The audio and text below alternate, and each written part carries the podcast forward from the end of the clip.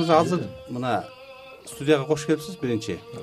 Жеке мен өзү мындай көрүүчү угарман катары сиз э, сахнага чыкканда бир мындай баскан турганыңыз кийген кийимиңиз анан ырдаганда ошол оон ыргагыңыз менен баягы э бир э, байыркы кыргыз үнүн угуп аткандай байыркы бир биз тарыхта айтып жүргөн ырчылар ырдап аткандай атай мусадан мурдагы сезилчү эле да анан ушул өзүңүзгө эмне деп баа бересиз? Бакыт шатенов деген ким сиз үчүн азыркы өзүң айткандай э, жанагы муса атайларга окшоп кыргыздын үнү деп э, аны ырдап атканда баягы ошондой экенин мындай сезбейм деле да. Ошол ырдап баштаганда э, аны деле ойлоп деле эметпейм баягы ырдаш керек.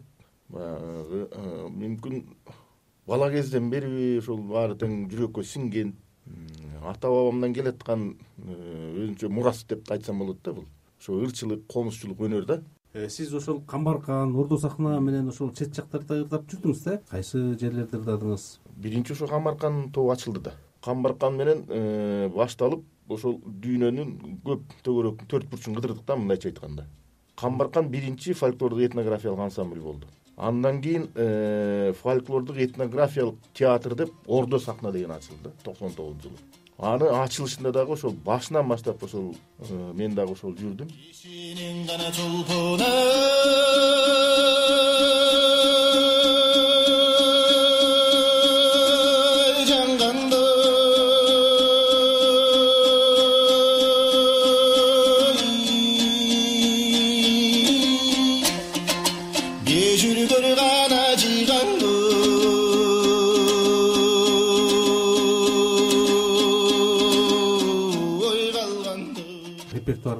кайсыл ырлар негизи өтүмдүү болот угушат мисалы чет өлкөлүк угармандар эми албетте элдик ырлар өтөт да. Элдик ырлар э, мен көбүнчө ошол э, чет жакка чыкканда э, айнагүл бектемир эгинчиевдин айнагүл деген ырын анан муса сагынам деген ырын атай огонбаевдин ой булбул деген ырын кылгыяк менен да ырдап жүрдүм. Японияда жүргөндө кылгыяктын коштоосунда адырга чыккан четиндей деген сооронбек чойбековдун э, жакшы бир ыры бар. Адырга чыккан тамашалуу жакшы ыр. Ошол нурак абдрахманов деген устатым үйрөткөн илгери ошону ырдап жүрдүм. Ошолор аябай жакшы өтөт. Анан албетте манасты нурак абдрахманов көбүнчө ошо биз камбаркан менен чыкканда нурак абдрахманов айтчу.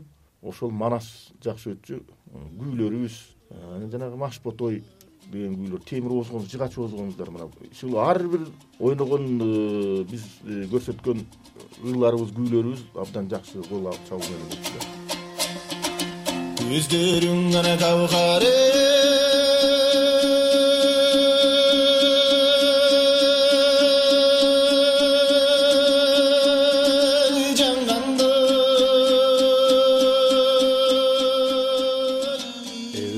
мисалы кыргызстанда э, угармандарыңызга кандай баа берет элеңиз да? Кимдер сиздин угармандарыңыз? Бар эми аксакалдар бар. Ушул э, мен ырдап жүргөн ырларды аябай жактырып эми көбүнчө ошол да баягы илгерки жүрөгүндө э, сиңип калган ошо элдик ырлар айрыкча. Азыр жаңылантып деле эстрада менен кошуп деле ырдап жүрүшпөйбү. Бирок комуздун коштоосунда такыр башкача кабыл алган адамдар көп. Жаштардын арасында да бар десем деле болот. Жыйырмадан алтымыш жетимишке чейин жаштагы арасында ошондойлор бар да. Ушул баалап ырларды э, ырдаган ырларды баалап жүргөндөр бар. Өзүн кезигип алар мен ырдап бүткөндөн кийин келип колумду кысып айтып жүргөндөр буралып кана басып түрдөнүп муңгандын канажы бар гүлдөнүп деди мурунду бошоттоң ой булбулу бураган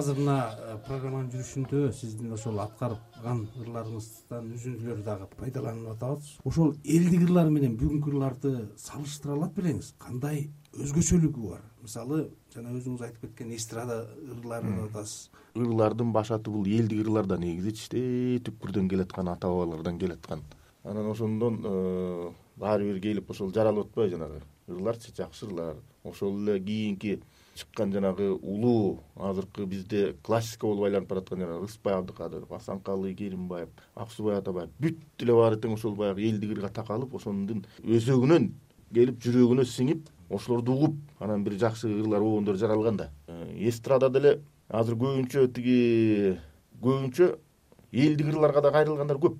Элдик ырларды эстрадалаштырып өзүнчө бир башкача кылып мындай. Анан түпкүрү ушул элдик ырдан келип чыгып атпайбы анан. Баягы жаштар көп ошол азыр аткарып жүргөндөр баягы элдик ырларды. Мына мисалы ошол элдик ырлар э, жанагы андан кийинки муун аккордеон менен чыккан муун э, чынында баягы бир башкача чыкты. Таасири менен ошол таасир элдик ырлардын таасири. менен. Анан кийинки мезгилде мына азыркы мезгилде дагы обондор чыгып атат. Алардын ичинен ошол ырысбай абдыкадыровдун жолун э, мындай улантып бараткандар дагы бар абдыкадыровдордун жолун да. Андан башка дагы бир жол баратат эми келип келип эле суроо элдик ырлар бара бара бузулуп кете бербейби ошол тамыры. Элдик ырлар болсо андан кийинки э, баягы агымдар. Элдик ырлар кандай учурда бузулат? Негизи бузулбаш керек да элдик ырчы э, элдик ырдын өзүнүн түпкүркү түпкүрү эч бузулбаш керек.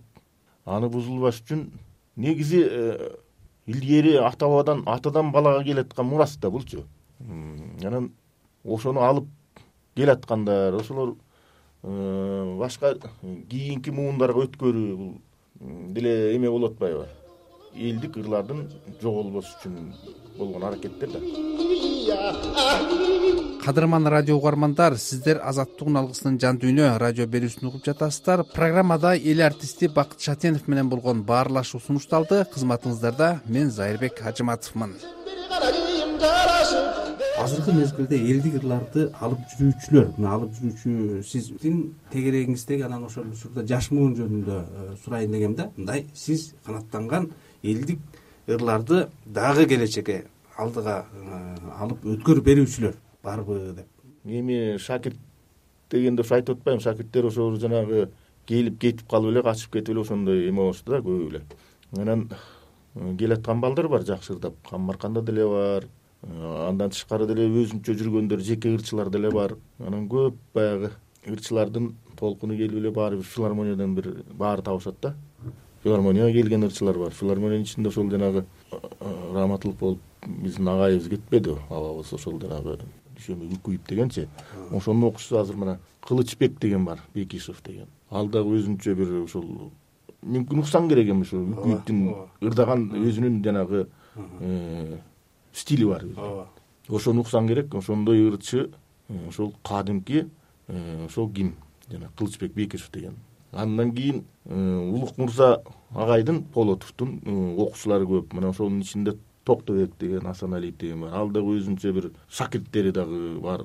Ал консерваторияда институтта окуп калды иштеп да калды ошол жакта мугалим болуп азыр деле иштеп жүрсө керек. Кийинки жаштардан ошол жанагы улан деген келатат качкыналиев деген. Улан качкыналиев ал дагы абдан жакшы ырдайт коңур сонун татынакай үнү бар. Ал дагы ошол э, элге таанымал жакшы ырчы элдик ырларды жакшы аткарган. Бакыт мырза эми жеке өзүңүзгө келсек негизи баягы элдик ырлардын угарманы дагы мындай өтө көп эмес. Элдик ырчылар кантип жашайт? Эми э, жакшы эле кудайга шүгүр. Жашагандар бар. Сиз мисалы? Мен болгону гана ошол жанагы коомубузду көтөрүп алып эле ошол өзүң айткандай э, кээ бирөө чакырат кээ бирөө чакырбайт кээ бирөө жакшы көрөт жакшы көрбөйт ушундай. Бирок көбүнчө жанагы юбилей жанагы туулган күндөр болот го алтымыш жетимиш сексен токсон деген жаштар. Мына ошолорго көбүнчө чакырышат анан үйлөрүнү үлпөтүү жанагы кыз узатуу тушоо тойлорго ушундай бирлерге чакырат.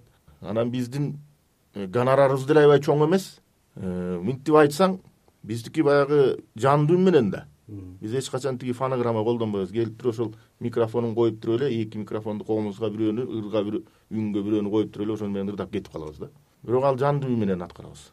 Анан гонорарыбыз төмөн да. Төмөн болсо дагы ошону дагы төмөндөткөнгө аракет кылышат да ошо чакырган элчи анан элдик ырчылар көп эле анан кантип байыйбыз биз деген антип байый албайбыз мисалы.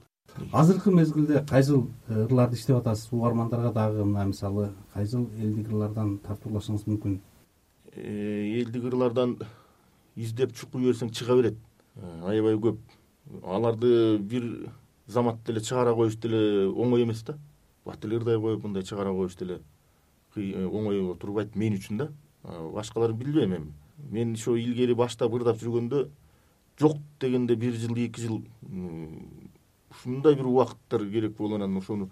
Жеткире жеткире мындай кичине жетти деп эметкен учурда анан барып туруп кичине мындай ырдап элдин алдына чыгарып анан баягы э, же болбосо записке алып барып ошол жаздырчумун да азыр ошолорду ырларды азыр архивден угуп мындай эметип көрсөм дагы жетпей турган жерлери көп да ошентип чыга берет экен да дагы бир жетпей аткан ошону дагы бир эметип издеп ушундай анан көбүнчө азыр комуз менен мен ошол элдик ырлар да э, бар ошол арасында ырдап жүргөн ырлар бар. Көбүнчө жанагы аккордеон менен чертилген ырларга көп да кызыгып жүрөм да. Анда э, элдик ырларды эми ырдап эле жүрөбүз да. Ошо айтып атпаймынбы жана аккордеондо чертилип жүргөн ырлар рыспай абдыкадыровдун кымбатым деген бир жакшы ыр бар. Комузга деле келе берет экен да. Жакшы. ошол кымбатым деген э, рыспай абдыкадыровдун ырын ырдап коеюн э жаңыртып алатонун жылгасы талаатың сап тургуйлордун урматтуу радио каармандар сиздер азаттыктын алгысынын жан дүйнө радио берүүсүн уктуңуздар. Студияда конокто эл артисти бакыт шатенов кызматыңыздарда мен зайырбек ажиматов болдум. Жан дүйнөңүздөрдө дайыма тынчтык болсун